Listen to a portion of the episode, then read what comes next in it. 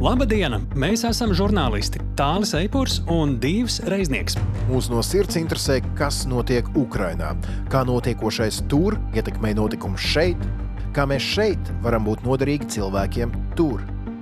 Lai labāk izprastu notiekošo, mēs dzenamies pakaļ personīgiem stāstiem, kas iemieso šo eksistenciālo cīņu. Mēs skaidrojam, ko globāla ziņu virsraksts nozīmē šeit, pie mums. Jo Ukraina cīnās ne tikai par savu brīvību. Ukraina šobrīd ir arī mūsu drošinātājs. Esiet sveicināti visapkārt, es sveicināts tāli. Šī jau ir drošinātāja 30. epizode. Lielas paldies visiem tiem, kuri ir ar mums sākot no pirmās epizodes. Un uh, īpaši sveiciens arī tiem, kuriem varbūt šī ir pati pirmā pieredze, klausoties tālāk Eipurā un divā reizniekā. Un, un raidierakstā drošinātājs. Šoreiz mēs reizē pateicām, man liekas, pirmā reize podkāstu vēsturē. Pirmā reize arī, kad šī ir 30. epizode, ir vienīgā reize. Mēs to daļu arī izstāstīsim, ar ko tā būs unikāla. Pagaidiet, tu gribēji, lai 230. epizodes? Vispār jāsaka tā, ka tai sarunai, kura mums būs šoreiz, ļoti iespējams būs tīri loģisks turpinājums. Viņu pat varētu nosaukt par 30.1 epizodi vai kaut ko tādu. Nu, labi, labi, par ko tu runā? Par ko ir runa? Runa ir par tādu varbūt mazāk pieredzētu stāstu, it īpaši plašākā izklāstā par to, ka Ukraiņas karavīri mēs zinām, ir, ir viens pulciņš Ukraiņas karavīru, kur ir tur ievainoti karā, reāli frontē, un kuri. Liels skaits, jā. Jā, bet es runāju par to pulciņu, kuri ir atvesti līdz Latvijai un šeit ārstējas. Nu, te var teikt, ka ir pulciņš. Nu, redz, tā tad runāsim par tiem karavīriem Ukraiņas frontē, kuri ir cietuši un palīdzību saņem šeit Latvijā. Jā, tieši tā. Un vēl precīzāk, mēs varbūt mazāk runāsim par tieši pašiem karavīriem. Tas gan arī būs pietiekami daudz tur, bet mēs sarunāsimies ar cilvēku, kurš to visu organizē. Nekādā gadījumā neviens pats, bet tā ir viņa ļoti svarīga ikdienas sastāvdaļa. Tad mēs uzzināsim, kā notiek tieši smagi ievainot Ukraiņas karavīru tā reālā transportēšana, fiziski tur no Ukrainas līdz šeit Latvijas slimnīcas durvīm kā notiek viņu atlapšana šeit, kādi ir viņu stāsti. Arī drusciņi ieskatīsimies tālāk šeit Latvijā un arī pēc atgriešanās Ukrainā. Un galu galā, kāpēc šie cilvēki, kuri to visu organizē, vispār kaut ko tādu dara? Un interesants būs arī detaļas. Es, es jau esmu noklausījies, piemēram, nezinu, nu, par tādām lietām, par ko tu nemaz neaizdomājies. Ka ir vajadzīgs personas kods šeit, Latvijā, ka ir vajadzīgs bankas konts šeit, Latvijā cilvēkiem ka ir vajadzīgas vēl dažādas sīkas lietiņas, par ko ziņās lasot, mēs pilnīgi noteikti nemaz neaizdomājamies. Nu, jā, kā visiem bēgļiem arī tas ir vajadzīgs, bet šie ir cilvēki, es domāju, smagi ievainoti, smagi ievainoti karavīri, kuri paši to nevienmēr var izdarīt. Tieši tā, jā. Un kuri, kā citēšu pats sevi no intervijas, aiz ievainotās rociņas ir jāaizved uh, uz banku vienkārši. Nu jā, paldies klasiķim Tālim Eipuram, kurš citē pats sevi. Es tikmēr sevi necitēšu, bet es pieteikšu to, ko mēs runāsim ar Kristīnu Bērziņu Vašingtonā. Viņa ir atpakaļ no Viļņas atgriezusies ASV.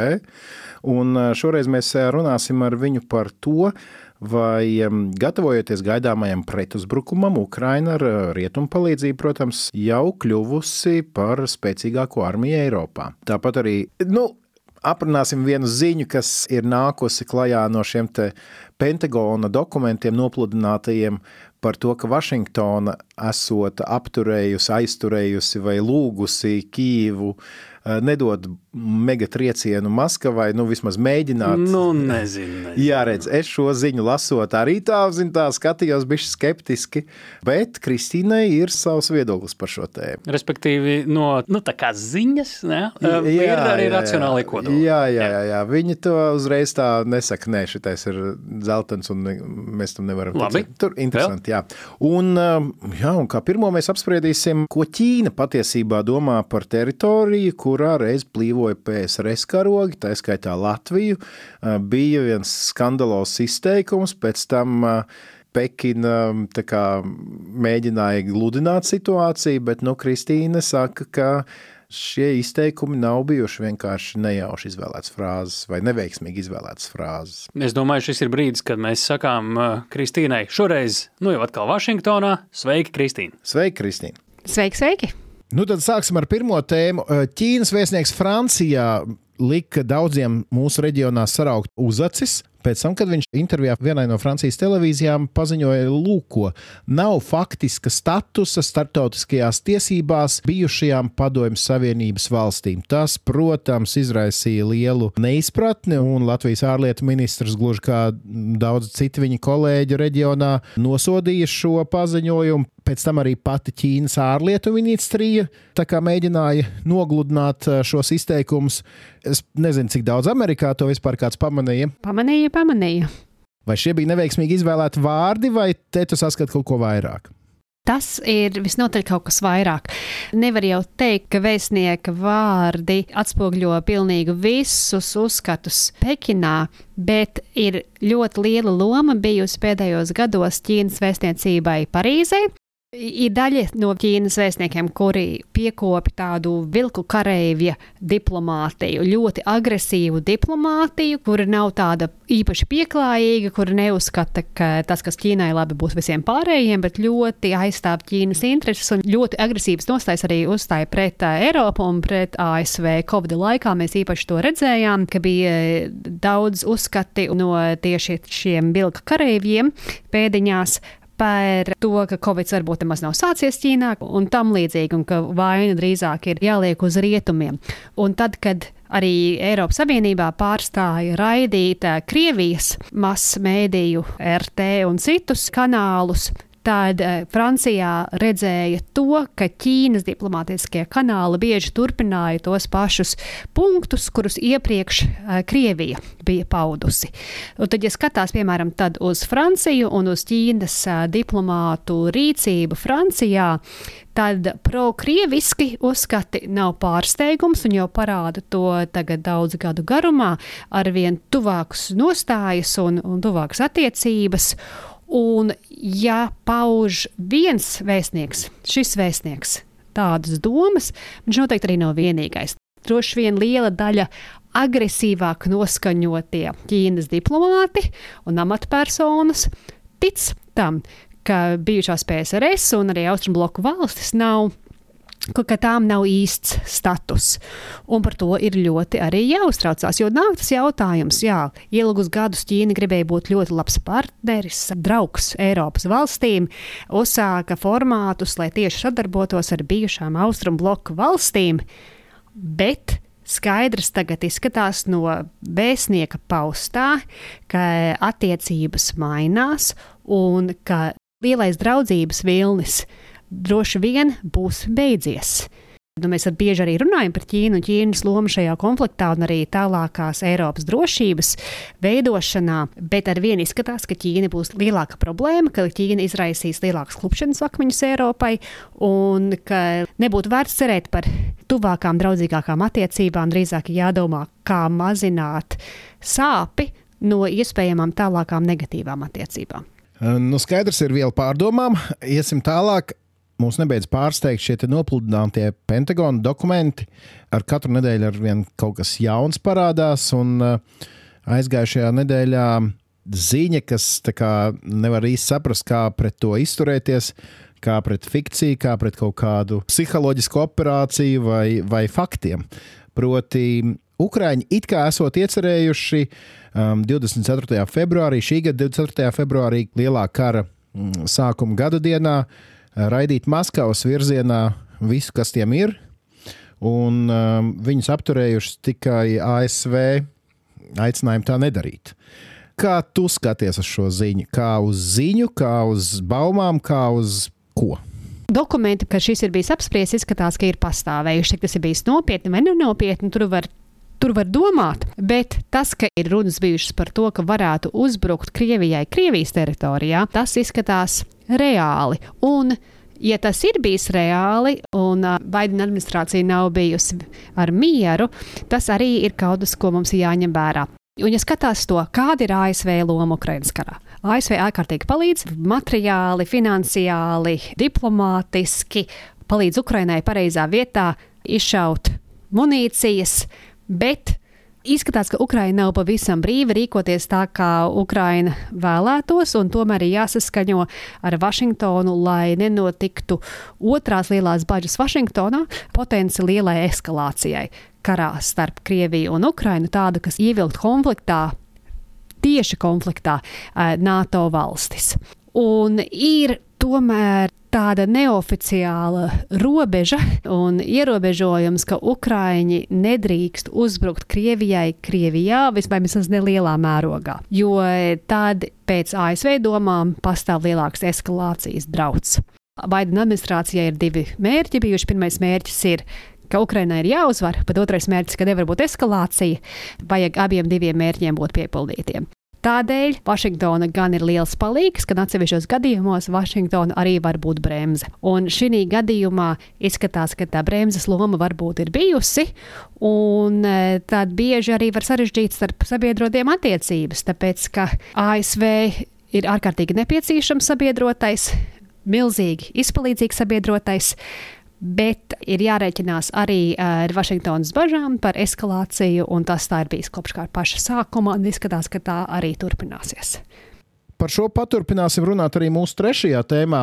Ir tāds uh, Tomas Steiners, kurš uh, Twitter lietotājiem uh, pēdējā gada laikā ir uh, kļuvis labi pazīstams kā cilvēks, kurš spēj izskaidrot dažādas militārās nianses, un uh, viņš arī seko līdzi tam, ko valstis sola, kādu palīdzību militāro Ukrainai, ko tā reāli piegādā. Un, nu, viņš ir veids aprēķins pēc publiski pieejamiem datiem. Ka šobrīd Ukrainas spēki, kas ir sagatavoti gaidāmajam pretuzbrukumam, esot spēcīgāki kā britiem, kā francūžiem, vāciešiem, itāļiem, spāņiem. Tāpat laikā šodien noskatījos uh, svaigu interviju ar uh, bijušo cipu aģentu Andriju Bustemanti, kurš saka, ka Amerikas interesēs nav spēcīga superspēcīga Ukraiņas armija, tāpēc arī tai netiek dot maksimālā palīdzība. Proti, Vašingtona interesē tas, lai Krievija maksimāli zaudētu savus spēkus tieši karojot ar Ukrāņiem. Bet viņiem nav vajadzīgs superspēcīgs Ukraiņas armijas spēks blakus NATO robežām. Tas var darīt bažīgus partnerus Rietumē, Eiropā. Kā tu šo visu skaties? Ja mēs runājam tieši par Ukraiņas militāro spēku šobrīd, kāds tas ir savākts pirms gaidāmā pretuzbrukuma? Nu, man liekas, ka tas ir brīnišķīgi, ka Ukrainai ir iespējams tagad vislielākais, būs viens no lielākajiem militāriem spēkiem Eiropā, ja nevis lielākais. Tas ir tieši kas ir nepieciešams šajā gadījumā, jo Ukraiņi paši šobrīd uzņemās tik galā ar Krievijas eh, bruņotajiem spēkiem. Un, lai to izdarītu, tad visiem ir bijis jāpalīdz, un arī Ukrainai ir jāparāda priekšzīmi un piemēri visiem pārējiem. Un tāpēc man liekas, tas pavisam ticami, ka, lai Ukraina tiktu galā ar Krieviju, tai ir jābūt vispēcīgākai kāda tā var būt. Un, ja salīdzinām, piemēram, kādu Spāniju vai Vāciju, valstis, kuras netaisās tuvākā laikā nekur nopietnā veidā karot, nu, dabīgi, tad valsts, kur jau kopš 14. gada ir karojusi ar Krieviju, būs spēcīgāka. Bet par to, ka tas nebūtu Amerikas interesēs vai sabiedroto interesēs, ka Ukraina ir spēcīga, tam es pilnīgi nepiekrītu. Man liekas, ka tā ir sazvērstības teorija, kur ir ārkārtīgi maz ticama. Ja Ukraina kļūtu par pavisam spēcīgu priekšzīmīgu militāro spēku Eiropā, Ukraina, kur vēlās pievienoties NATO, nu, tad tas padarītu vēl NATO stiprāku. Pārējās valsts varētu mācīties no, no Ukrainas piemēra, kopā ražot un attīstīt ieročus, kuri ir piemēroti mūsdienu izaicinājumiem, burvīgi. Un tas drīzāk parāda to, cik ļoti maz un cik ļoti nenopietni pārējās Eiropas valstis ir uzskatījušas eh, mūsdienu drošības draudus. Tas var uh, liecināt par to, ka citām valstīm arī jāsaraujās tagad jādomā, kā attīstīties tālāk un vairāk palikt Ukrainai līdzīgas, uh, nevis tā kā tās pēdējos 20 gadus ir, ir varējušas būt. Jo stiprāks kļūst NATO, jo stiprāki ir visu Eiropas valstu militārie spēki, jo arvien drošāk kļūs mūsu pasaule un Eiropas kontinents. Es pagājušajā nedēļā biju Viļņā, un Viļņā arī uzstājās Dienvidkorejas ārlietu ministra vietnieks.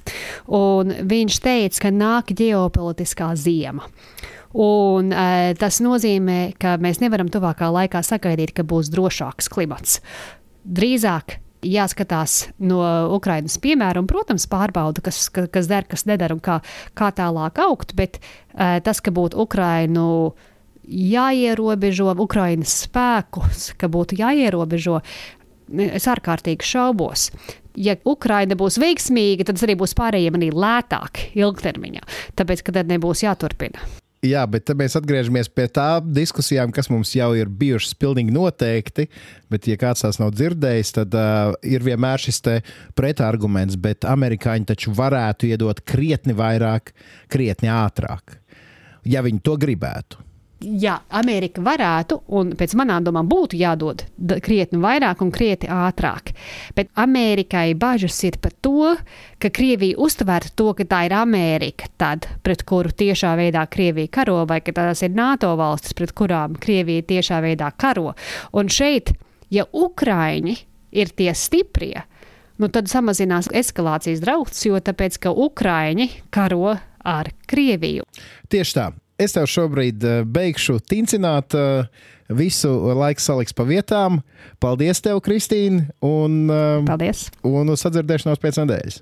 Labi, uz nākamnedēļai. Paldies, Dīva! Paldies, Kristīne! Atkal trīs svarīgi temati. Man aizķērās vissirsnīgāk, ja tā var teikt, ar nedaudz tādu saltu intonāciju. Stāsts par Ķīnu, par bijušajām PSRS sastāvdaļām, kuras nekad nav īstenībā bijušas PSRS sastāvdaļas, kā esot Latvijā atzina Igaunijas prezidents tepat Rīgas pilī, bet tajā pašā laikā klausoties, ko viņam blakus saka mūsu prezidents Egils Levits, Nu, man šķita, ka vai nu tā vajadzēja teikt, paklausāmies. Es eh, nepievērstu šīm eh, viena vēstnieka izteikumiem, nelaimīgiem izteikumiem, kādu nozīmi tie neatspoguļo Ķīnas pozīciju. Ķīnas pozīcija skaidra. Eh, visas valstis, kas ir apvienotā nācija loceklis, ir atzītas, tās ir neatkarīgas, demo, neatkarīgas valstis. Nu, jāsaka tā, e, es tagad domāju, kurš ir izteicies neveiklāk. Ķīnas vēstnieks vai Latvijas valsts prezidents? Īpaši, protams, dzirdot to, ko pirms e, burtiski dažām minūtēm mums sacīja Kristīna Bērziņa. Klausītāji, ja jūs vēlaties rakstīt protestu vēstules par tāļu eipuru iesaistīšanos Latvijas prezidenta vēlēšanu kampaņā, droši dariet to. Es tieši pat izstājos. Latvijas rādio LV. nē, nē, te ir jautājums, kuru tu gribi redzēt kā Latvijas nākamo prezidentu? Nu, man jau ir pāri 40. ah, ok. Tā tad šajā reizē 30. drošinātā epizodē nostiprinās Tāļa Eipura ego. Viņš vispirms citē sevi, pēc tam viņš jau kā, norāda, ka viņš ir gana vecs, lai būtu par prezidentu. Uzmanieties no tādiem cilvēkiem. un turiet īkšķis par mani, kuram šeit ir jāsēž ar viņu pie viena galda. Bet joks pie malas, kāpēc ne? Tā Eipura par prezidentu? Jā, redzu. Bet iesim tālāk. Iesim tālāk, jo tāls eipurs ne tikai citē pats sevi, ne tikai ir gatavs būt par prezidentu, bet arī uh, veido fantastiskas intervijas. Un šajā reizē tāls uzrunāja cilvēku, kurš palīdz Ukrainas frontē ievainotajiem, smagi ievainotajiem karavīriem. Uh, iziet ārstniecības kursu vai rehabilitēties šeit, Latvijā. Jā, mēs sarunāsimies ar Mārtiņu Medinieku. Viņš ir platformas mHelp.com vadītājs. Par pārējo viņš arī izstāstīs intervijā, ko viņš dara ikdienā. Jāsaka tā, ko viņš darīja ikdienā līdz 24. februārim pagājušā gada. Tā to varētu drīzāk nosaukt.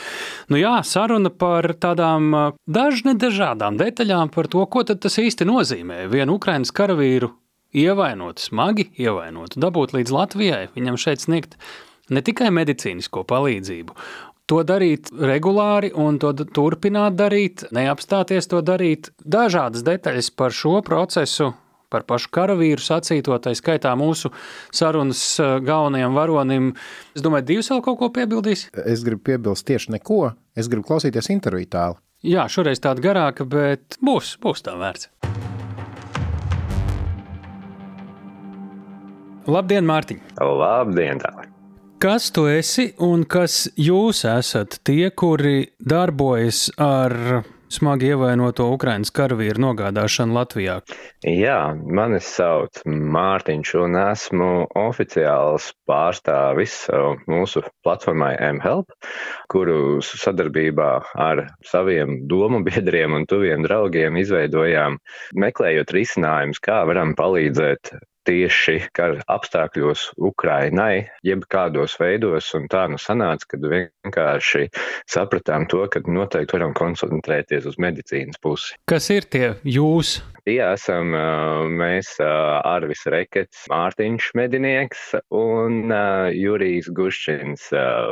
Mēs Latvijas pusē esam strādājuši iepriekš ar dažādiem projektiem, un tad, nu, attiecīgi mums tā komanda izauga tieši pievienojot Ukrainas pārstāvis oficiālos kur mums Oksana Tomčuka un Olga Červakova ļoti, ļoti palīdz. Tātad mēs esam draugu un dombiedru grupa. Es, tad Arvis, kurš ir vienkārši izcils ideju ģenerators un ārkārtīgi erudīts cilvēks un, un vienmēr atrod nestandarta risinājums. Jurijs, kurš ir tehniski ļoti laikmetīgs cilvēks un ātri, ātri atrod risinājumus tieši jau IT pusē izstrādē. Un tad tās ir mūsu oficiālās pārstāvis Ukrainā, Oksana Tomčuka, kas ir ļoti bijusi aktīva cilvēktiesību juriste un strādājusi tieši jau juridiskā pusē un ar mēdījiem aktīvi strādājusi un nejaušības pēc nokļuvusi tieši Latvijā un palīdzējusi ir gan Rīgas domai un mums ļoti lielā mērā un arī citām organizācijām. Tā ir Olga Červakova. Viņa ir bijusi nominēta ļoti aktīva žurnāliste jau sākoties 14. gada aktivitātēm. Un tāda mēs esam šī komanda, kas meklējām risinājumus, kā labāk palīdzēt, kā palīdzēt efektīvāk tajā mirklī, kad viss vēl bija diezgan liels haoss. Un tad mēs nonācām pie tā, izmantojam mūsu tehnoloģijas. Pie tā mēs nonāksim. Vēl par jums pašiem. Tu pateici tagadnes darbošanos attiecībā uz Ukraiņas karavīriem, bet kas jūs esat? Uzņēmēji, cilvēki, kas dara katrs kaut kādu savu darbiņu. Jā, un ikdienā mēs katrs darbojamies pārsvarā ar savām lietām. Kāds no mums ir programmētājs, es pats vadu IT biroju Rīgā.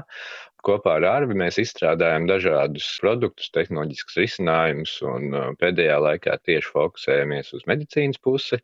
Un, um, manas minētās dāmas ikdienā ir Ukrainā, strādā tieši savās, savos lauciņos, un tā ir žurnālistika un advokātu biroju vadītāji. Tāpēc mums visiem šis projekts prasa gan daudz laika, bet nu, tas tomēr ir blakus lieta. Tu sāki atbildēt uz manu nākamo jautājumu. Kas ir tas, ko jūs darījāt līdz karam, to varētu jau nojaust apmēram pēc tā, ko tu nu pat teici, bet kas mainījās līdz ar 24. februāri pirms nu jau vairāk nekā gada? Nu, tieši tā, um, mēs šos te tehnoloģiskos risinājumus sākām izstrādāt. Fokus bija tieši medicīnisko programmu izstrādāšana un pilnveidošana.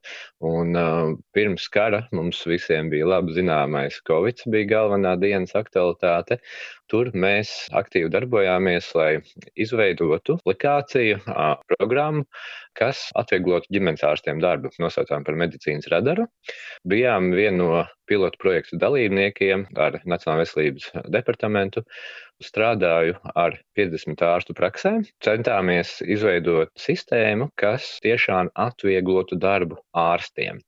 Šādā komandā mēs Latvijā arī viņu pilnveidojām, strādājām ar ārstiem, ar Nacionālā veselības departamentu, izveidojām ļoti labu sistēmu, Un, protams, jau skatījāmies jau par tālākajām izaugsmēm. Ieskicējām arī kaut kādas sarunas ar ārvalstīm. Bez Covid uzraudzības mēs pievienojām arī vēl asins rites, sirdsdarbības, monitorings, vispār sirds slimības, kardiovaskulārais, zīdaiņu uzraudzības sistēma, ar ko paši ļoti lepojamies.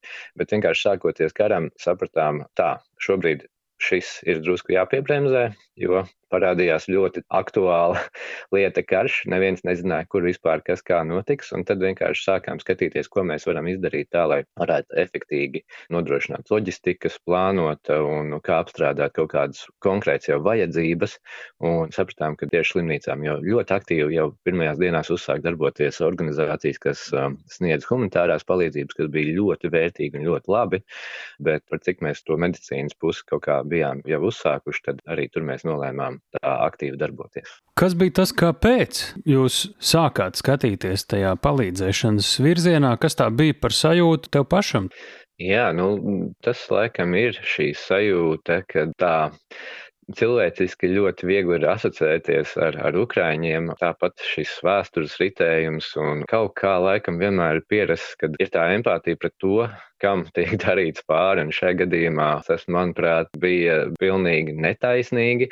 Cilvēkiem tiešām uzbruka, un šajā gadījumā tiešām gribās sniegt to palīdzību. Bet ir tādi, kuri tik tālu tiek šajā domā, neko īsti neuzsāk, noziedo, kas arī ir, ir ļoti daudz īstenībā, bet jūs tomēr darījāt vairāk? Kas tā par enerģiju bija, kas ļāva vai lika to darīt? Tas laikam ir tas, kad ir pierasts vienkārši, ja kaut ko darīt, tad, tad tiešām nolemt un darīt un darīt līdz galam. Tāpat uzslavas Arvim, kurš ir cilvēks, kas arī spēj iedvesmot, un tā mēs tur kopā ļoti ātri sagrupējāmies un sapratām, ka vienkārši kaut ko darām, skatāmies, liekam un taisam šīs sistēmas, saprotam, ka pēkšņi ir kaut kāds kontakts un komunikācija tajā Ukraiņas pusē. Dzirdam ziņās, kad notiek loģistikas problēmas, tiek sūtīti kaut kādi ziedojumi uz noliktavām noliktavām Ukraiņas teritorijā, Polijas, kur pēc tam tie pazūda, tur tad liek kaut kādas izsakošanas, tur cilvēki ar lielām pašdarbībām ņēmās, darbojās, un tas jau ir normāli, tas ir kara apstākļi, un, un, un, un ir cilvēki, kas ir negodprātīgi un cenšas izmantot situācijas, mēs tā domājam. Nē, mums tas ir jāizdara kaut kā labāk, savādāk, un meklējām visus iespējamos veidus, kā tieši uzrunāt jau slimnīcas, lai slimnīcas būtu tās, kas mums liek šīs savas vajadzības, jo tās vajadzības bija tiešām viņas uh, tika sašautas, izlaupītas un, un nebija spējīgas funkcionēt, un tā nepieciešamība bija ļoti milzīga. Un tad nu, tas bija arī tas, ko mēs darījām. Mēs pieslēdzām entuziastus Latvijā, kas arī mēs uztaisījām integrācijas ar zāļu fondu, lai varētu atšifrēt, piemēram, medikamentu nosaukumus un tieši Ukrainas pusē, bet jāsaka godīgi, kā ir taustījām domājāmies arī sākotnēji, kas būs tieši tā palīdzība. Ja? Kaut kādā mirklī mēs sākām sūtīt ar dažādiem kanāliem, nonācām tur līdz īrijas pusē, Anglijai, latvieši paši bija ļoti aktīvi un sākām sūtīt tur medicīnisko aprīkojumu, jo tas bija daudz vienkāršāk jau nekā ar medikamentiem, ar zālēm, bet sistēmu audzējām un veidojām tiešām tādu lielāku jā, tas arī kaut kā notika ļoti strauji patiesībā caur tādu lielu, lielu taustīšanos, meklēšanu, sākām jau pēc tam ieņemt kaut kādas aprises, un tad jau sākām saprast arī uz tā Latvijā, uz organizāciju fona, ar ko kurš īsti nodarbojās. Un tad nu, mēs bijām tie, kas strādāja ar medicīnas pusi, nu, kas arī veidoja tādu savu veidu atpazīstamību, kad à, tie ir tie puiši, kas sūta slimnīcā. Principā tas viss, ko mēs sūtījām, tas aprīkojums bija reāli vajadzības. Tās jau turpat nebija vēlmes, bet tiešām jau, jau fiziski vajadzības. Cik tālu jūs esat tikuši tagad, un kas ir tas, kas ir šobrīd sakārtojies, kas tad jūs esat šobrīd?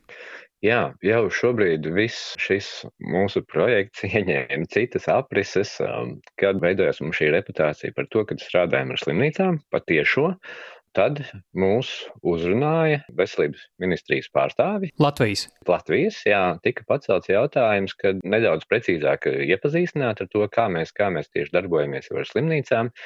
Tāpat arī satiekot eh, kādā no reizēm noliktavās, kur mums bija medicīnas aprīkojums, atnācis kārtējais, ieradās tā brīža Ukraiņas vēstnieks Aleksandrs Miščenko, un tāpat bija Edvards Smiltēns.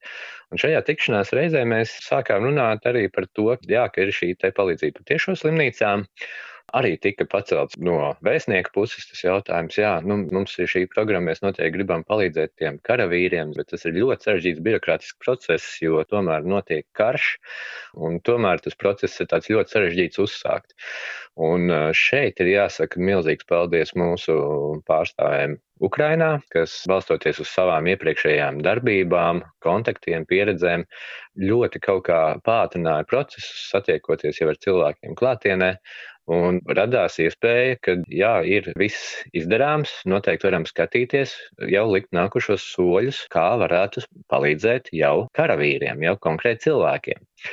Tad jau pēc šīm tikšanās ļoti ātri attīstījās visi notikumi, un principā jau pat nu, pēc divām nedēļām mums sanāca atgādāt, nodrošināt pirmo autobusu uz Latviju ar militāru personām, priekšoperācijām un rehabilitācijas. Kad tas bija? Pirmais autobus ieradās 9. augustā. Cik tur bija karavīru? Manuprāt, tie bija 23. Cik tagad ir jau šis skaitlis tālu uzaudzis? Skaitlis nav uzaudzis sevišķi daudz, jo pēc pirmā autobusa tomēr tas mums viss bija liels pārbaudījums, sākot jau ar mums pašiem organizēt šos te procesus. Milzīgais nopelns slimnīcai, mūsu veselības ministrijai, kas visu arī pārskatīja, un doktoriem, kā strādāt jau ar šiem militāru personām, jo tas viss bija pilnīgi jauns. Tie bija cilvēki, kas nāk no kara frontes, tā, tie nav ikdienišķie savainojumi. Un tad lēnām ar to pirmo autobusu tika saprast, kā vispār darboties, ko plānot, ar ko rēķināties, kāda varbūt ir kaut kādi sarežģījumi paredzami. Tad jau nākošo autobusu mēs organizējām stipri plānveida, gatavojāmies, jo tāpat tās, protams, neiztikt bez iepirkuma, kurā bija iespējas ikvienam pieteikties, skatīties un meklēt risinājumus, kā visefektīvāk nodrošināt visu šo te informācijas apmaiņu ar Ukrainas pusi, kā jau organizēt transportēšanu karavīru. Jā, par cik mums šīs pieredzes arī izveidojās, tad arī noslēdzām sadarbību. Un uh, plānveidā tad sākām jau no novembra. Un 14. novembrī mums atnāca otrs autobus. Tajā bija 18 karavīri, un uh, tur gan mēs sapratām, ka decembrī, janvārī noteikti neko īsti nedarīsim, jo sākās gripas sezona. Un gripas sezonu mēs tiešām ļoti izteikti varējām izjust. Un atcerēsimies, ne tikai gripa, bet arī, diemžēl, covid nekur nav pazudis. Un vienkārši bija tīri cilvēcīgi un fiziski tā, ka dakteri mums saslima ļoti bieži, un tas noteikti ierobežoja to pakalpojumu sniegšanas iespējas, to cik intensīvi un plānveidā var tās pašas rehabilitācijas nodrošināt un vispārējo. Un tad mēs zinājām, ka līdz ko gripas periods noslēgsies, tad jau atkal plānosim tālāk. Un tā arī šobrīd ir izveidojies, kad bija autobuss martā, tajā bija 25 pacienti. Šobrīd notiek aktīvs darbs jau pie um, medicīnas profilu saskaņošanas, un nākošais jau plānojās mājā. Tātad ik pa diviem mēnešiem mēs esam ieplānojuši sūtīt jau karavīrus. Vai Latvijā vēl kāds, ko tādu dara? Latvija patiesībā cilvēki kaut kā nedaudz nedaudz piemirsuši, un varbūt par to netika tik tā bieži runāts. Latvijā patiesībā jau darbojās ārlietu ministrijas programma, ļoti aktīvi ir bijuši vaivari līdz šim, ir bijuši pacienti jau no, nemācējuši teikt par datumiem, pats nezinu, bet jau 14. gadā, kad sākās okupācijas citos Ukraiņas reģionos, jau tika sniegta palīdzība. Un līdz ar to vaivariem tā pieredze ir bijusi jau diezgan ilgstošāka, un es pieļauju, ka arī pārējās ārstējošās iestādes ar to ir darbojušies jau pirms tam. Tikai kā noprotu, tad tā otra programma ar 23. gadu apstājās, un oficiāli mēs esam oficiālie sadarbības partneri ar Austrumu slimnīcu un veselības ministriju Latvijā un tāpat veselības ministriju Ukrainā, jo mēs esam autorizēti tieši saņemt šos te medicīnas profilus un tālāk jau koordinēt darbu ar ārstiem, kas izvērtē konkrētos pacientus, kādas palīdzības ir iespējams sniegt. Diemžēl arī ir reizes, kad nākās atteikt palīdzību šeit, jo ir kaut vai mm, kāda infekcijas slimība, kas ir ļoti bīstama. Ja? Būtu ļoti speciāli apstākļi jārada, lai pacientu varētu uzņemt un nošķirt un ārstēt. Bet pārsvarā fokus ir uz rehabilitāciju tieši. Tu pieminēji, ka tas ir diezgan sarežģīts process. Ar to pirmo autobusu varbūt nedaudz to var tuvāk paraksturot. Kaut vai ar viena cilvēka vidējo piemēru, ko tas nozīmē vienam karavīram tikt ievainotam, viss tas process, līdz viņš tiek ieiet vai iestumts vai ienests pa Latvijas medicīnas iestādes durvīm. Tās situācijas var noteikti atšķirties cit no citas, bet kā viena karavīra piemēru varētu arī ieskicēt. Jā, cilvēks, um, kurš varbūt pat vispār nav bijis ar militāras izglītības fonu nekādu, tiek iesaukts armijā, un viņam konkrēti cilvēkam ir gadījies jau trešajā dienā raķešu uzlidojums, kurā viņš viens pats ir izdzīvojis no savas komandas, ļoti smagā stāvoklī savainots, un pēc tam kolēģi ir atraduši. Loģiski viņam tiek sniegt uzreiz pirmā iespējamā palīdzība, nogādāts lazaretē, kas jau ir frontes tuvumā, tad līdz ko ir gatavs pārvešanai, tiek pārvests kaut kur Ukrainā, un tā viņš tiek iereģistrēts cietušo karēvju statusā. Sarakstus apkopo Ukrainā veselības ministrija, dod šos profilus mums ar karavīriem. Tad mēs tos nododam Latvijā Austrum slimnīcas pārstāvjiem, tāpat Vaivari. Principā katra klīnika izskata par savām specialitātēm. Un tad nu skatās, kurus no cilvēkiem tiešām varētu apkalpot, sniegt ļoti kvalitatīvu palīdzību. Kad ir šī atgriezniskā saikne no slimnīcas, atgriežamies pie Ukrainas pusē, Tur tad arī tiek apkopotie saraksti, kam Latvijas puse ir piekritusi palīdzēt. Tad, protams, saraksts tiek aktualizēts, jo pacientiem stāvokļi var mainīties, var kaut kas notikt, diemžēl varbūt arī kaut kāda sarežģījumi rasties. Varbūt kāds ir pieņēmis palīdzību jau no kādas citas valsts, tāpēc tie saraksti atkal tiek aktualizēti, tiek pārskatīti, un tad jau tiek komplektēts jau konkrēts datums, kad mēs organizējam pārvešanu autobusu. Varbūt konkrētais karavīrs vēl atrodas kādā lazaretē kaut kur mazākā pilsētā vai citur, tad, protams, arī viņi tiek pārvesti uz konkrēto datumu, tur, kur jau, jau apbraukā mūsu organizētais transports, un tad viņi tiek gādāt uz Latviju. Latvijā mēs viņus sagaidām, pieņemam šeit, tiek veikta vispārēja veselības pārbaude, saprast par šīm te pašām infekcijām un, un tiek nodoti visādas asins analīzes un viss pārējais, lai tiešām saprast, ka, ja cilvēkam ir plānot protezēšana, ka tomēr viņam varbūt tās, tomēr ir nepieciešama arī kāda operācija iepriekš. Arī tā var gadīties.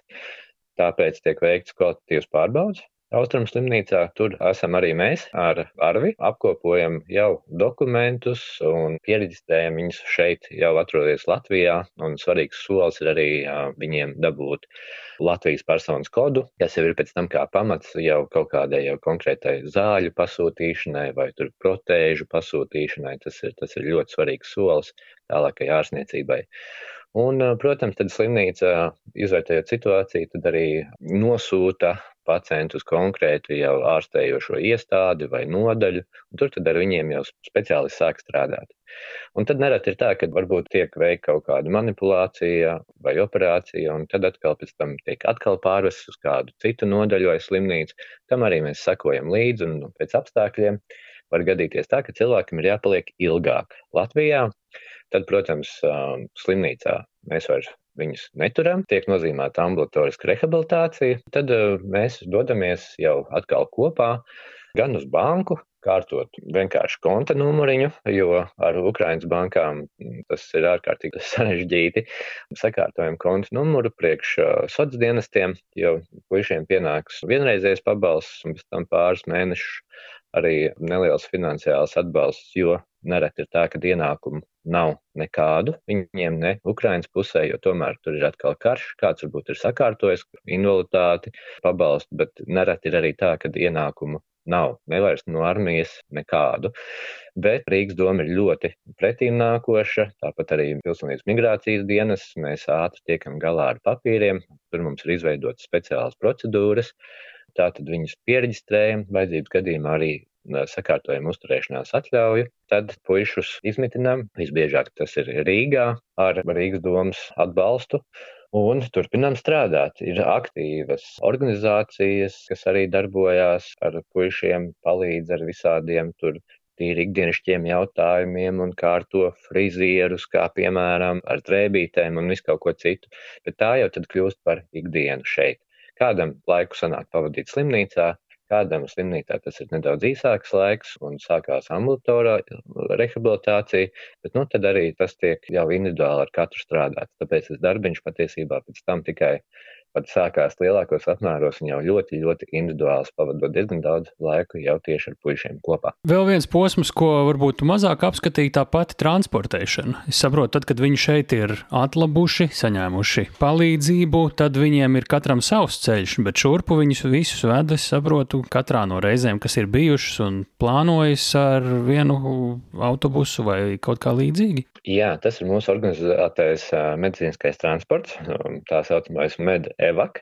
Līdz ar to tas ir ļoti svarīgs posms šajā visā, jo tur mums ir organizēts ārkārtas situāciju mediķis, kurš, kurš visu ceļu pavada ar puišiem plecu pie pleca tas darbs, arī parunājot jau ar cilvēku patiešo, tas darbs ir tiešām ļoti sarežģīts, jo kā piemēram pēdējā reisā bija arī cilvēks, kas ir pilnībā paralizēts, un tāpat tas ceļš ir šīs te 17, 18 stundas mainās šoferi ceļā, bet puišiem ir visas dabiskās vajadzības, nu tad tam doktoriem ir visi jāuzrauga, jākontrolē, jāpalīdz.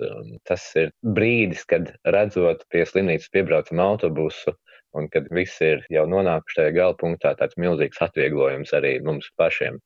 Un vienmēr par to ļoti priecājamies. Jo tad jau pēc tam tālāk jau ir vieglāk strādāt uz vietas, jo tāpat arī ir um, puiši, kam ir liels sāpes. viņam ir paredzēta rehabilitācija, bet viņam ir kaut kas, kas izraisa sāpes, un tas ir ļoti grūti. Tas ir grūti būt, būt tajā ceļā, tāpēc es arī aicinu izvērtēt, un ja cilvēki grib kaut kā palīdzēt no kaut kādām pašdarbībām, ne tikai tas, ka arī ir jābūt visam sakārtotam no dokumentu viedokļa, lai cilvēks izvestu no Ukrainas un pēc tam neradītu pašai personai kaut kādus sarežģījumus, esam prātīgi un nenodaram pāri kādam vienkārši iesēdinot mašīnā vai autobusā, nu, tas ir jāsaprot, ka to vajag tomēr darīt profesionālā veidā. Mēs esam šajā podkāstā pieredzējuši stāstus, kur mums cilvēki stāsta arī par kļūdām. Kā nevajag darīt un kā tagad dara labāk? Kas bija tas, ko jūs sākumā varbūt daudz ko nezinājāt, tagad zinat daudz labāk? Nu, patiesībā tie ir daudzi, daudzi sīkumiņi, daudzas darbības, tāpēc, kad nodrošinājām pašu pirmo autobusu, visas iesaistītās puses mēs mācījāmies.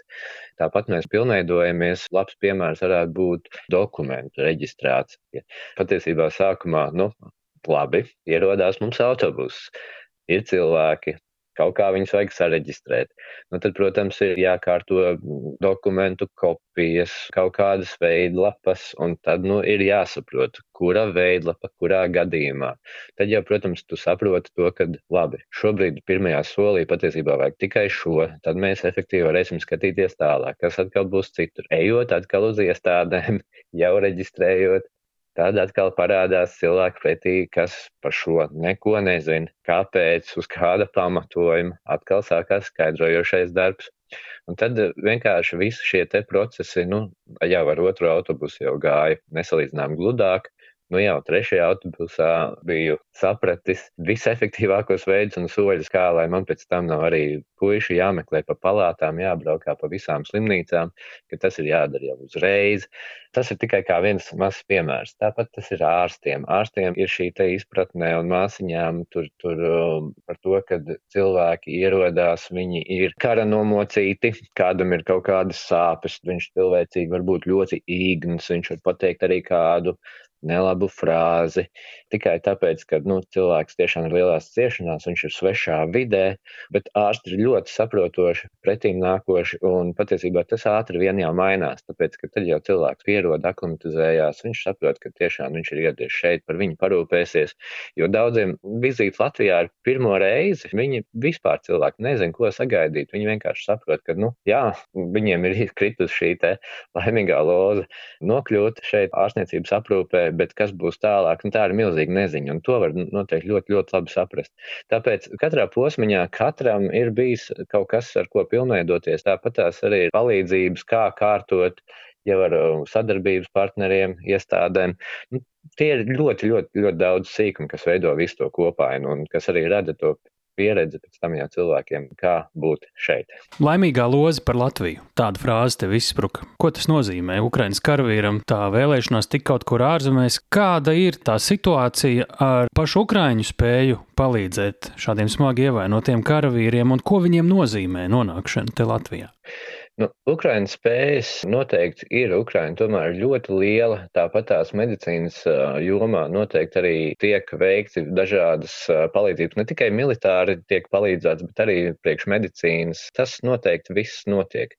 Taču ir kaut kādas lietas, specifikas šīs te pašas protezēšanas, kur vaivari dara vienkārši fantastisku darbu. Tas viss ir ļoti sarežģīti tai pusē, jo cilvēki cieši ļoti daudz, ļoti bieži, tad ir jāsaprot to, ka ir bieži vai kaut kādas super gaidīšanas, ļoti ilgs laiks vai citi apstākļi, kas nespēja šo palīdzību, kas ikdienā būtu tāda diezgan pašsaprotama varbūt, bet kara apstākļos tas paliek jau ļoti, ļoti grūti un sarežģīti. Un arī tas jau ir viens no posmiem, kurā cenāk tieši efektīgi palīdzēt. Ļoti, ļoti laba slava ir mūsu mikroķirurgiem. Un visi šie gadījumi, redzot, kad puisim pasaka, ka viņš nekad vairs no roku pirkstus nekustinās, trīs dienas pēc operācijas man viņu satiekot, viņš jau sāk kustināt pirkstus un raud laimes asaras, ja, tad eh, tajā mirklī tad arī ir tā, ka redzi, jā, mazā Latvija un mūsu eksperti profesionāļi noteikti ir spējīgi mainīt cilvēku dzīves. Kā jau es arī minēju iepriekš, arī no kaut kādiem sižetiem par to, ka arī viens no puišiem teica par to, ka Viņš bija priecīgs izvēlēties, dzirdējis, kad Latvija viņu paņēma, jo ir arī izskanējis kaut kāds piedāvājums, kad varētu uz Franciju doties, bet tieši Latvijai veidojas ļoti laba reputācija. Arī to bija norādījis Ukrainas vēstnieks Latvijā. Jā. Un kāpēc ne Francija? Kāpēc Latvija? Tie laikam ir tie stāsti, kas izplatās savstarpēji, ko paši karavīri runā, par ko lepojās, par ko priecājās, jo sociālā tīkli viņiem ir ļoti aktīvi. Karavīriem ir daudz dažādu grupu, kurās viņi komunicē ir gadījies arī dzirdēt stāstus ne tikai par ievainoto karavīru pusi, bet esmu runājis ar militārās puses pārstāvjiem, un tur ir dažādi tur gan varoņu stāsti un tādas lietas, kas izplatās tautās un karavīru vidū. Un tāpat es pieņemu, ka tas ir arī šis stāsts par Latviju. Un uh, vēl neaizmirsīsim tādu lietu, kad nonākot Latvijā, viņiem ir šī vide, kurā tomēr, tomēr lielākā daļa ukraiņu runā krievu valodā. Un tā ir arī valoda, ko man ir nācies vairāk tagad eh, tieši šī projekta dēļ apgūt, pilnveidot, jo eh, šeit tomēr. Vismaz esot Rīgā, atrodoties jau tad, kad cilvēks ārstējas ambulatori, viņiem ir šīs iespējas iet, komunicēt veikalos, tādās ikdienišķās situācijās, un tas arī notiek ļoti palīdz. Jo, piemēram, Francijā būtu ļoti, ļoti sarežģītāk. Jūs paši arī mm, to Arvis arī esat Ukrainā bijuši, jo daudz saka, ka vajag uz vietas vienmēr tur labāk daudz ir pārliecināties par lietām, lai zinātu, kā procesi darbojas un būt droši, ka tā palīdzība ir nonāk tur, kur vajag. Kā jūs esat droši par to, ka tur uz vietas viss ir tā, kā tam būtu jābūt?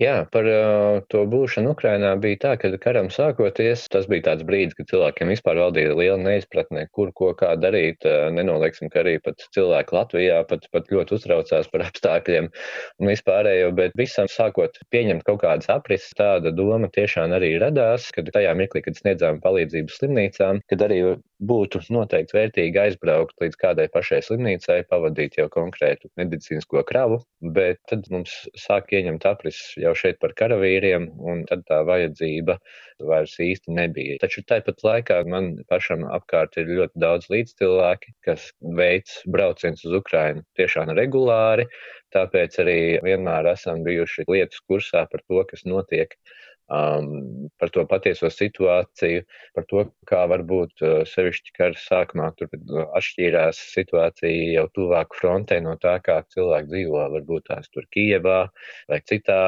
pilsētā uz rietumiem jau un tālāk no frontes vietas.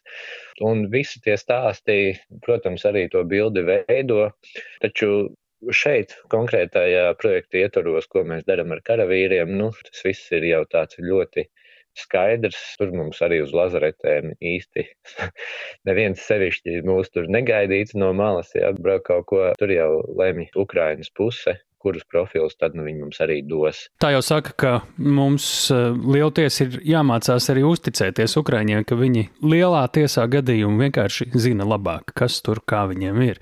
Bet eh, tu stāstīji, ka sanāk diezgan daudz kārtot lietas karavīriem, kuri šeit eh, ārstējas kaut vai aiz ievainotas rokas aizvest līdz bankas lodziņam vai aizstumt, diemžēl. Tieši tā. Kāda jums veidojas tā saikne? Viņu nav tik daudz, lai tā saikne būtu tāda ļoti konvejeraina. Tā es vismaz te sāku just. Jā, pirmkārt jau tagad mēs efektīvāk izvērtējam, ko mums tieši šeit Latvijā priekš viņiem vajag veikt tā, lai nu, nav akurāti ar katru cilvēku jābrauc, ja, vai to pašu iepriekš minēto banku, jo tam ir jābūt saskaņā ar ārstniecības plānu. Un tad ir jāsaprot, vai cilvēkam būs ilgāk šeit jāuzturās. Tad, protams, mēs darām, ja tas būs mazāka perioda, tad nē. Tā ir atkal vēl viena no mazajām lietiņām, kas atkal to visu padara efektīvāk. Bet tas laiciņš ar tiem cilvēkiem, ar ko tiešām sanāk, jā, tad jāsaka, ka tas jau pēc tam notiek biežāk. Tāpat banka Tas ir process, kas ir vismaz uz pusotru stundu, un tad arī visu to laiku sanāk parunāties jau individuāli ar cilvēku. Tāpat visbiežāk uzzina, kā cilvēks ir guvis šo traumu, kas īsti notika, jo katram viņam ir savs stāsts. Pats es tos jautājumus nekad neesmu uzdevis. Kāpēc tu nejautā? Nu, tāpēc, ka, manuprāt, tas īsti nav korekti. Cilvēkiem varbūt tas ir sāpīgi, tāpat tas viss noteikti emocionāli kaut kādu nospiedumu atstāja. Par to vienkārši prasīt, tas vienkārši man pašam nešķiet korekti. Ja cilvēks par to vēlas runāt, tad viņš noteikti arī to izstāstīs. Kā parasti ir? Jāsaka, ka lielākoties jau arī pat izstāst, bet es pat arī necenšos vaicāt, kur tieši tev ir tas savainojums. Nu, vienīgi tik daudz, kad saprotot jau sēdinot jau manā transporta līdzeklī, vai būs vieglāk tur sēdēt, vai citādi, vai, vai atkal pie pārvietošanās, tomēr izmantojam eskavātoru vai iesim kājām. Nu, lūk, un tad, tad attiecīgi jau tas viss izveidojas. Un ir cilvēki, ko es, protams, satieku tikai, kad atnāk autobus, kad paņem šos te pirmos dokumentus, sagatavoju priekš uzturēšanās slimnīcā un tālāk mums arī tas kontaktiņš pēc tam nemaz vairs nav, jo notiek veiksmīga rīcība slimnīcas pusē, viss nepieciešamais tiek izdarīts, un, un tad jau cilvēks dodas māju. Cik ir tagad ilgākais pacients Latvijā kopš atves, atvešanas? Es pieļauju, ka daļa joprojām te vēl ir. Mums ir cilvēki, Latvijā, kas ir jau arī no manas iepriekš minētajām ārlietu ministrijas programmām vai citādos veidos nokļuvuši šeit, ir arī tādi karavīri, arī sanāk nonāk kontaktā ar šiem cilvēkiem, jo palīdzību nevienam neatsakam, jo parādās kaut kādi jautājumi, ko var izsnākt, kā vēl var palīdzēt, tāpat kārtojam psiholoģiskās rehabilitācijas un citas lietas. Līdz ar to man grūti teikt vispār tā no karavīriem, bet eh, no mūsu programmas, jā, mums ir arī kāds, kas ir no 9. augusta ieradies un vēl ir šeit, bet šeit notiek atkārtot konsultācijas, atkārtot vingrinājumu. Nu, protams, dzīvo viņi paši Rīgā ir izmitināti, jo slimnīcā, protams, tik ilgi nav efektīvi nevienu turēt un aizturēt. Nu, bet, piemēram, cilvēks paralizēts. Nē, nu, cilvēks paralizēts tā jau ir ļoti liela specifika, un, un protams, ambulatoriskā ārstēšanās paralizētam cilvēkam īsti nenotiks. Tad viņi gan noteikti ir ārstniecības iestādē, bet tagad mums pilnībā paralizēts cilvēks bija ieradies martā jā, tur tās transportēšanas notiek atkal jau skatoties pēc ārstu lēmumiem saskaņā ar ārstniecības programmu. Tāpēc noteikti slimnīca cenšas visu darīt efektīvi, lai cilvēkam maksimāli ātrāk, labāk palīdzētu. Noteikti nevienu lieki aizturēt šeit, ne. Bet ir cilvēki, kas ir sakārtojuši vīzu. Man tāds ir arī cilvēks, kas ieradās novembrī, nokārtojis vīzu un jau sakārtot invaliditāti. Un tur vienkārši ir jau saprotams, ka viņš dienestam derīgs vairs nebūs. Un uh, vienkārši uzsāka savus ārstēšanās gaitas un dzīvi šeit, šobrīd Latvijā. Protams, ar radiem komunikācija notiek ikdienā, bet viņš vienkārši saprot to, ka Ukrainā viņš uh, īsti varbūt tās pat. Uh, Nu, kā teikt, var mazāk palīdzēt nekā šeit, traucēt tur un tam līdzīgi. Jā, jā, jā Un, un patiesībā, jā, tur būtu arī varbūt tās um, būs meklēts liels sloks ģimenei. Jā. Tā tas arī var būt. Jā. Tev ir kaut kādas draudzības veidojušās ar šiem cilvēkiem vai radušās šobrīd? Nu, jā, nu, protams, neminot konkrēts piemērus, ir tā, ka draudzība veidojusies un tagad arī viņš ir šobrīd jau tur Ukrainā. Apmainamies ar video un attēliem, sveicienus sūtām viens otram, jā, un izskatās, ka cilvēkam būs vajadzīga atkārtota palīdzība Latvijā pēc ārstniecības plāna, tad viņš varētu mums atgriezties. Un tad, protams, noteikti arī atkal gaidīsim. Tāpat esmu saņēmis kaut kādus suvenīriņus. Vienkārši cilvēks saka, es, es vienkārši vēlējos kaut ko no savas pusītes uzdāvināt, vai tās ir šīs zīmotnes, tās uzšos armijas vai kaut kā citādi. Nu, tas, protams, ir tā interesanti, jo atrodam to kopīgo valodu, jo runāt tikai par to kāru, nu, tas noteikti arī cilvēkiem smagi. Un tad nu, ir tā, ka cilvēks varbūt sākumā ir ļoti noslēgts, un tad nonākam pie sarunas par tēmu, kā piemēram medības. un atrodam vienkārši šīs kopīgās intereses un valodu, un tad, tad cilvēks nu, ļoti atplaukst, atverās, jo tas ir kaut kas, varbūt viņam ir bijis ļoti tuvs hobijs sirdī, vai automašīnas, vai kaut kādas tehnoloģiskās lietas. Un patiesībā tas ir tas mirklis, kurā cilvēks ļoti atverās, izmainās. Un tad varbūt tās arī par šīm pašām traumām runājot, un tā tas sako jau pēc tam, jau vēlāk. Jo nu, cits cilvēks ir sākumā tiešām ļoti noslēgts, jo nu, tā ir. Jā. Šie ir smagi ievainoti karavīri, kuri šajā evaku autobusā atbrauc uz Latviju, bet ir tādi, kuri ir tik atkopušies, ka dodas atpakaļ karot. Tādi ir. Ir um, daži no karavīriem ir ļoti ļoti, kā teikt, specifiskām zināšanām un ļoti nepieciešami dienestam. Ir tā, ka bijis, kad tiek organizēts un plānots, viņi tiek gaidīti atpakaļ.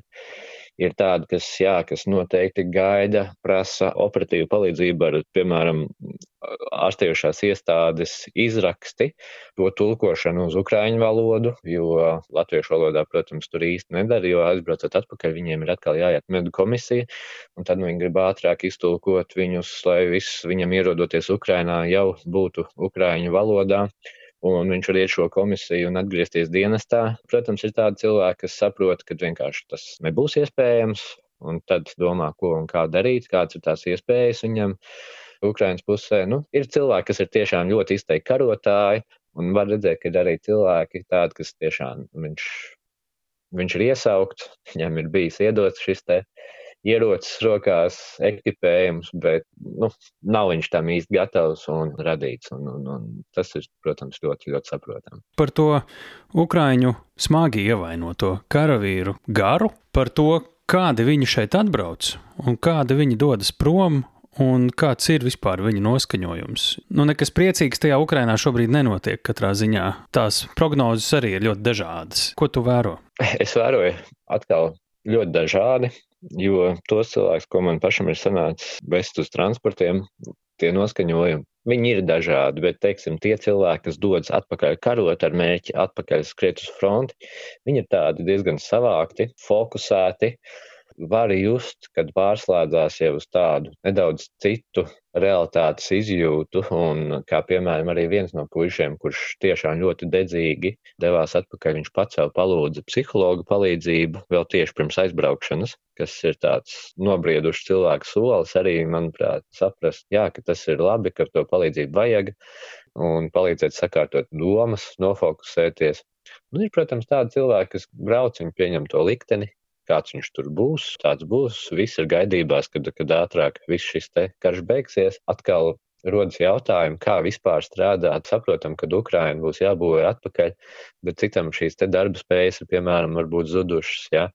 Ir kāds karavīrs, kurš pasaka, ka viņš savu pilngadību ir sasniedzis jau 14. gadā un ir karojis kopš 14. gada. Un, uh, viņš saka, ka viņš neko citu dzīvē pat nav darījis, kā tikai karojis. Un šobrīd viņš ir dienestam nederīgs.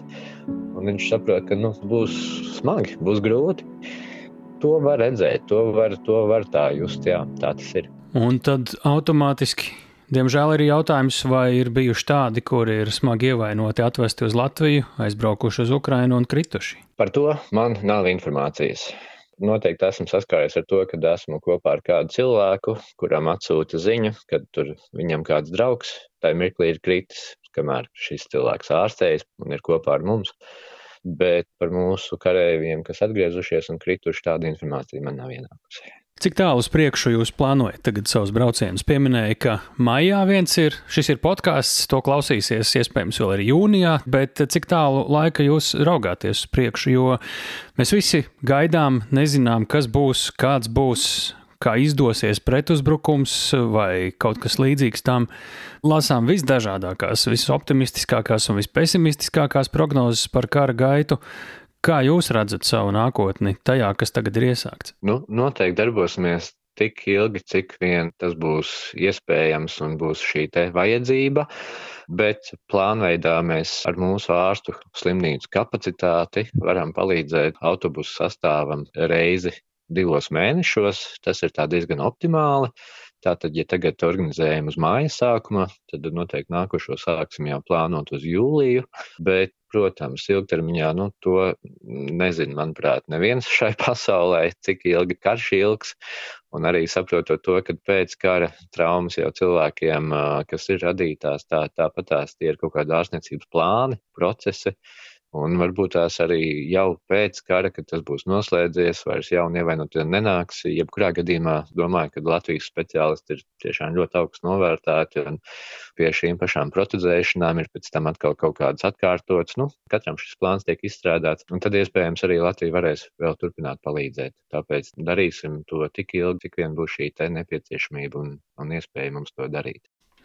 Un, lai arī pirms sarunas mēs spriedām, kā tur ar to finansiālo pusi, vai par to ir jārunā, Bet jūs tur ieguldāt savu laiku, savu naudu visticamāk, vai arī atbalstītāju naudu. Kā jūs darbojaties paši?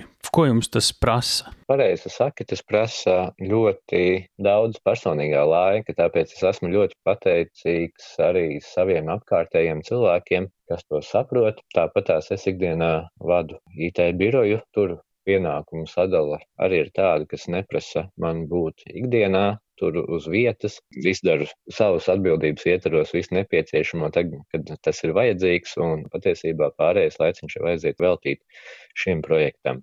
Finansiālos līdzekļus uh, vairs pašiem sevišķi nav jāiegulda, jo esam sadarbības partneri. Bija iepirkums, kurā mēs vienkārši tiekam finansēti ar Austrum slimnīcas starpniecību par katru karavīru, bet attiecīgi tālāk jau finanšu sadala jau aiziet jau, jau cilvēkiem, kas darbojas, veids pienākumus, autobusu nomas, dezinfekcijas un viss pārējais. Tāpēc arī finansiāls atbalsts no kaut kāda līdz cilvēkiem īsti nav nepieciešams, un varbūt tās ir dažas citas lietas, kā cilvēki var palīdzēt sauc tās lietas vārdos? Sauc lietas vārdos. Visu laiku domājam par papildus iespējām, ko vēl varam darīt, kas vēl būtu kaut kas tāds, ko varbūt pat ja dara citi, kā, bet kā mēs joprojām paši varam vēl, vēl palīdzēt.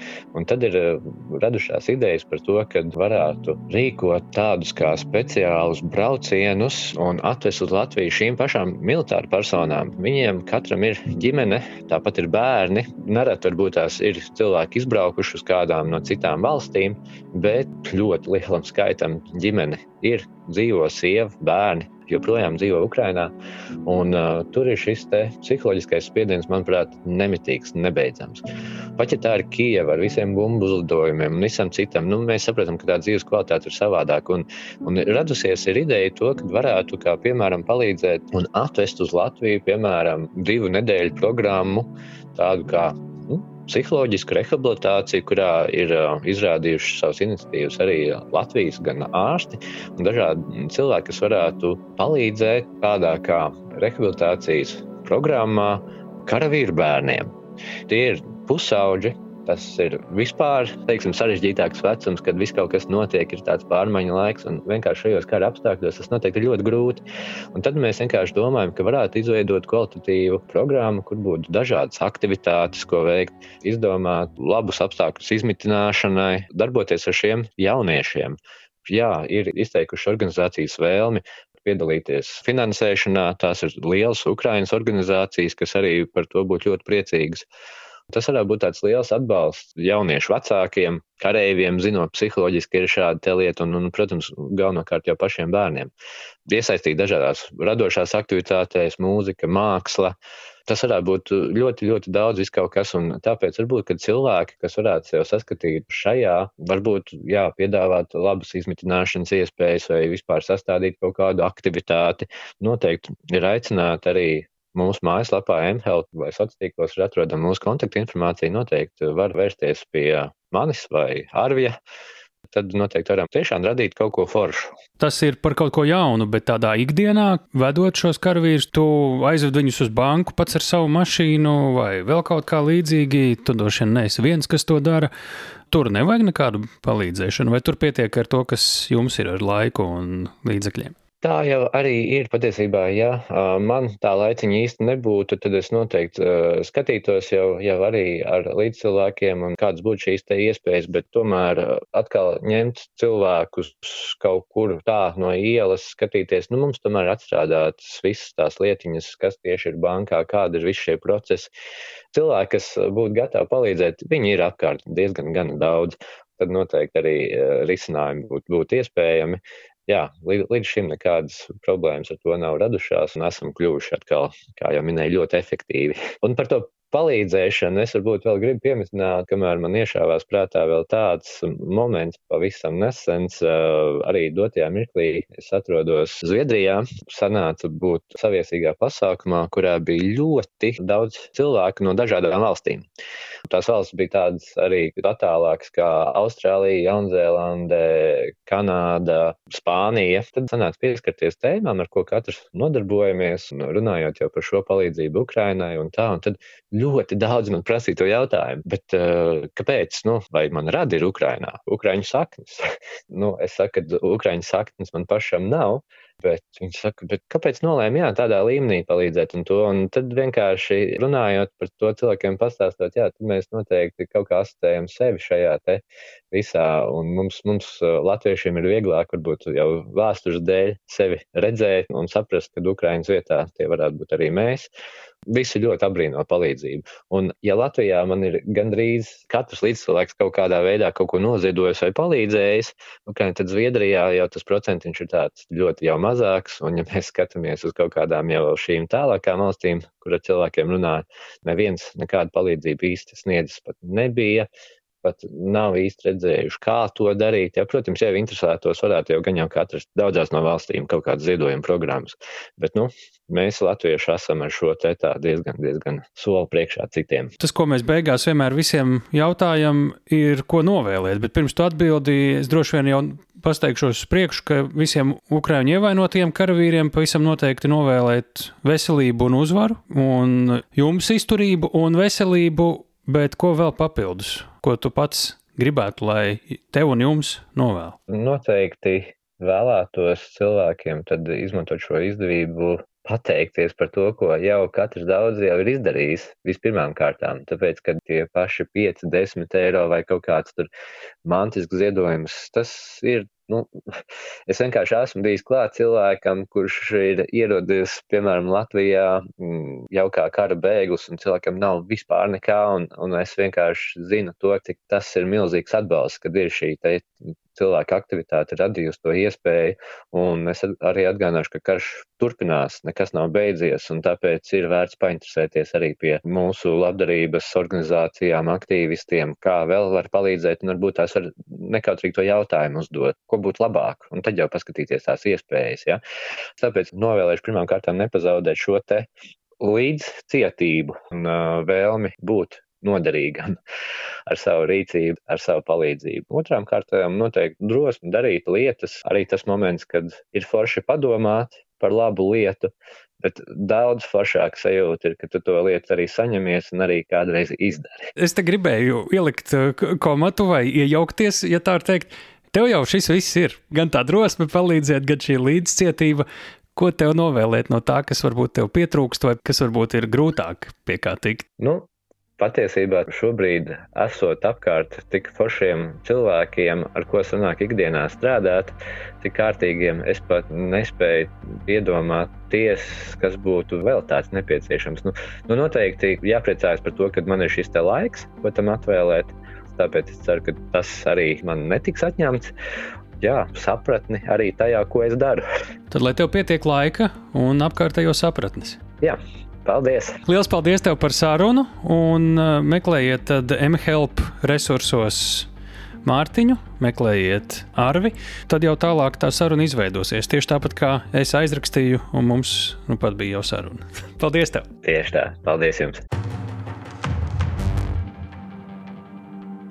Paldies, Tāli! Tas bija Tāls Eipurs sarunā ar Mārtiņu Medinieku, kurš ir um, platformas mHelp uh, vadītājs. Beigās man īpaši ieintriģēja tā sadaļa, ka tu mēģini uzprasīties, nu, kā jums palīdzēt. Nu, kā jums palīdzēt? Viņš visu laiku saka, nē, paldies, nē, mums viss ir labi, zinu, apmēram tā.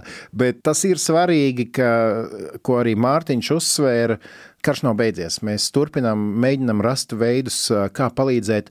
Un tiesa, ka ir cilvēki, kuri ir atraduši savu vietu, savu nišu šajā gadā, un viņi tur arī sevi var realizēt vislabāk.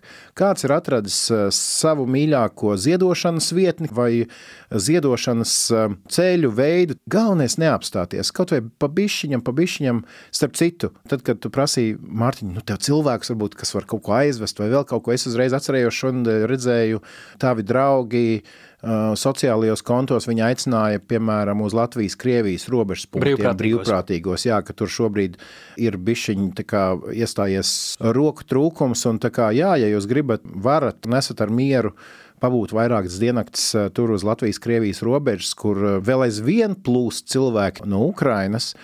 tad jūs izdarīsiet ne tikai labu darbu, bet jūs arī varēsiet savām acīm satikt, uh, ieraudzīt, uh, savām ausīm dzirdēt. Izrunāties. Izrunāties daudz, daudz stāstus, kādus mēs jums varam piedāvāt tikai vienu stāstu reizi nedēļā. Tur 24 stundās jūs iespējams dzirdēsiet daudz, daudz vairāk.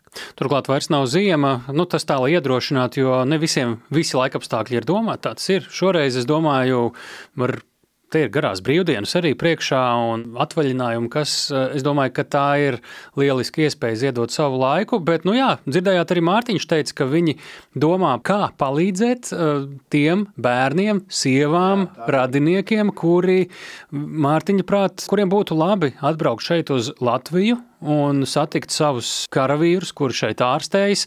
Ne tikai satikt, arī nedaudz gūt šo attēlu no visām trauksmes sirēnām un līdzīgi. Jā, un šī, manuprāt, nav vienīgā iniciatīva, kas runā par to, ka vestu Ukraiņas bērnus uz Latviju šajā vasarā. Tā kā, ja šovasar satiekat kādus bērneļus, kas runā ukrainiski, tad pieiet klāt, pasveiciniet, iedodiet konču vai es nezinu, pasakiet slavu Ukraiņu. Jā, un, un savukārt, ja jūs, kas mūs klausāties, ja jūs izjūtat kādu palīdzīgu roku trūkumu, jums ir ļoti skaidri uzdevumi, mērķi vai tam līdzīgi, tad nu, atrakstiet mums. Es nevaru apgalvot, ka mēs varam visiem atbildēt vai visiem palīdzēt, bet eh, iespējams, ka kaut kādā veidā varam nākt tālāk. Rakstiet mums e-pasta adresi drošinātājs at Latvijas Rādio LV.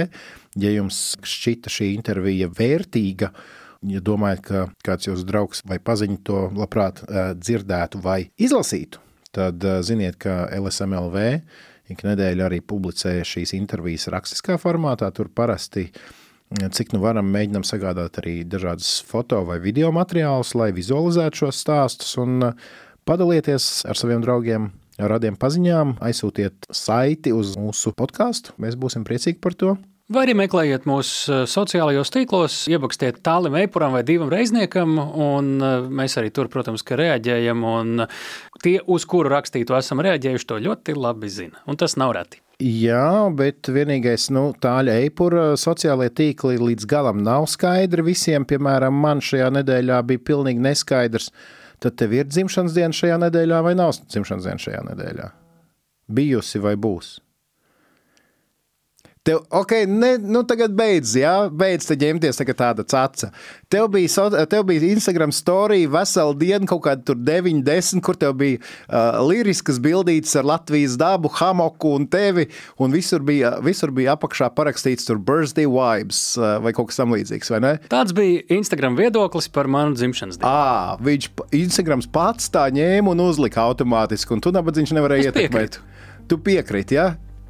Tad daudz laimes dzimšanas dienā tālu. Paldies, lai kad tā arī būtu. Labi, paldies jums arī, ka jūs klausījāties.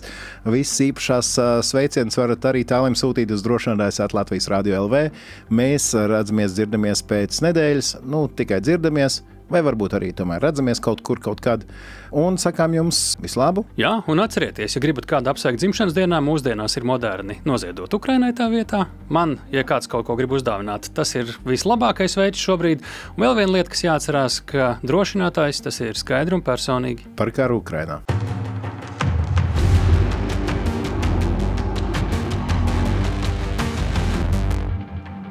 Raidieraksts drošinātājs.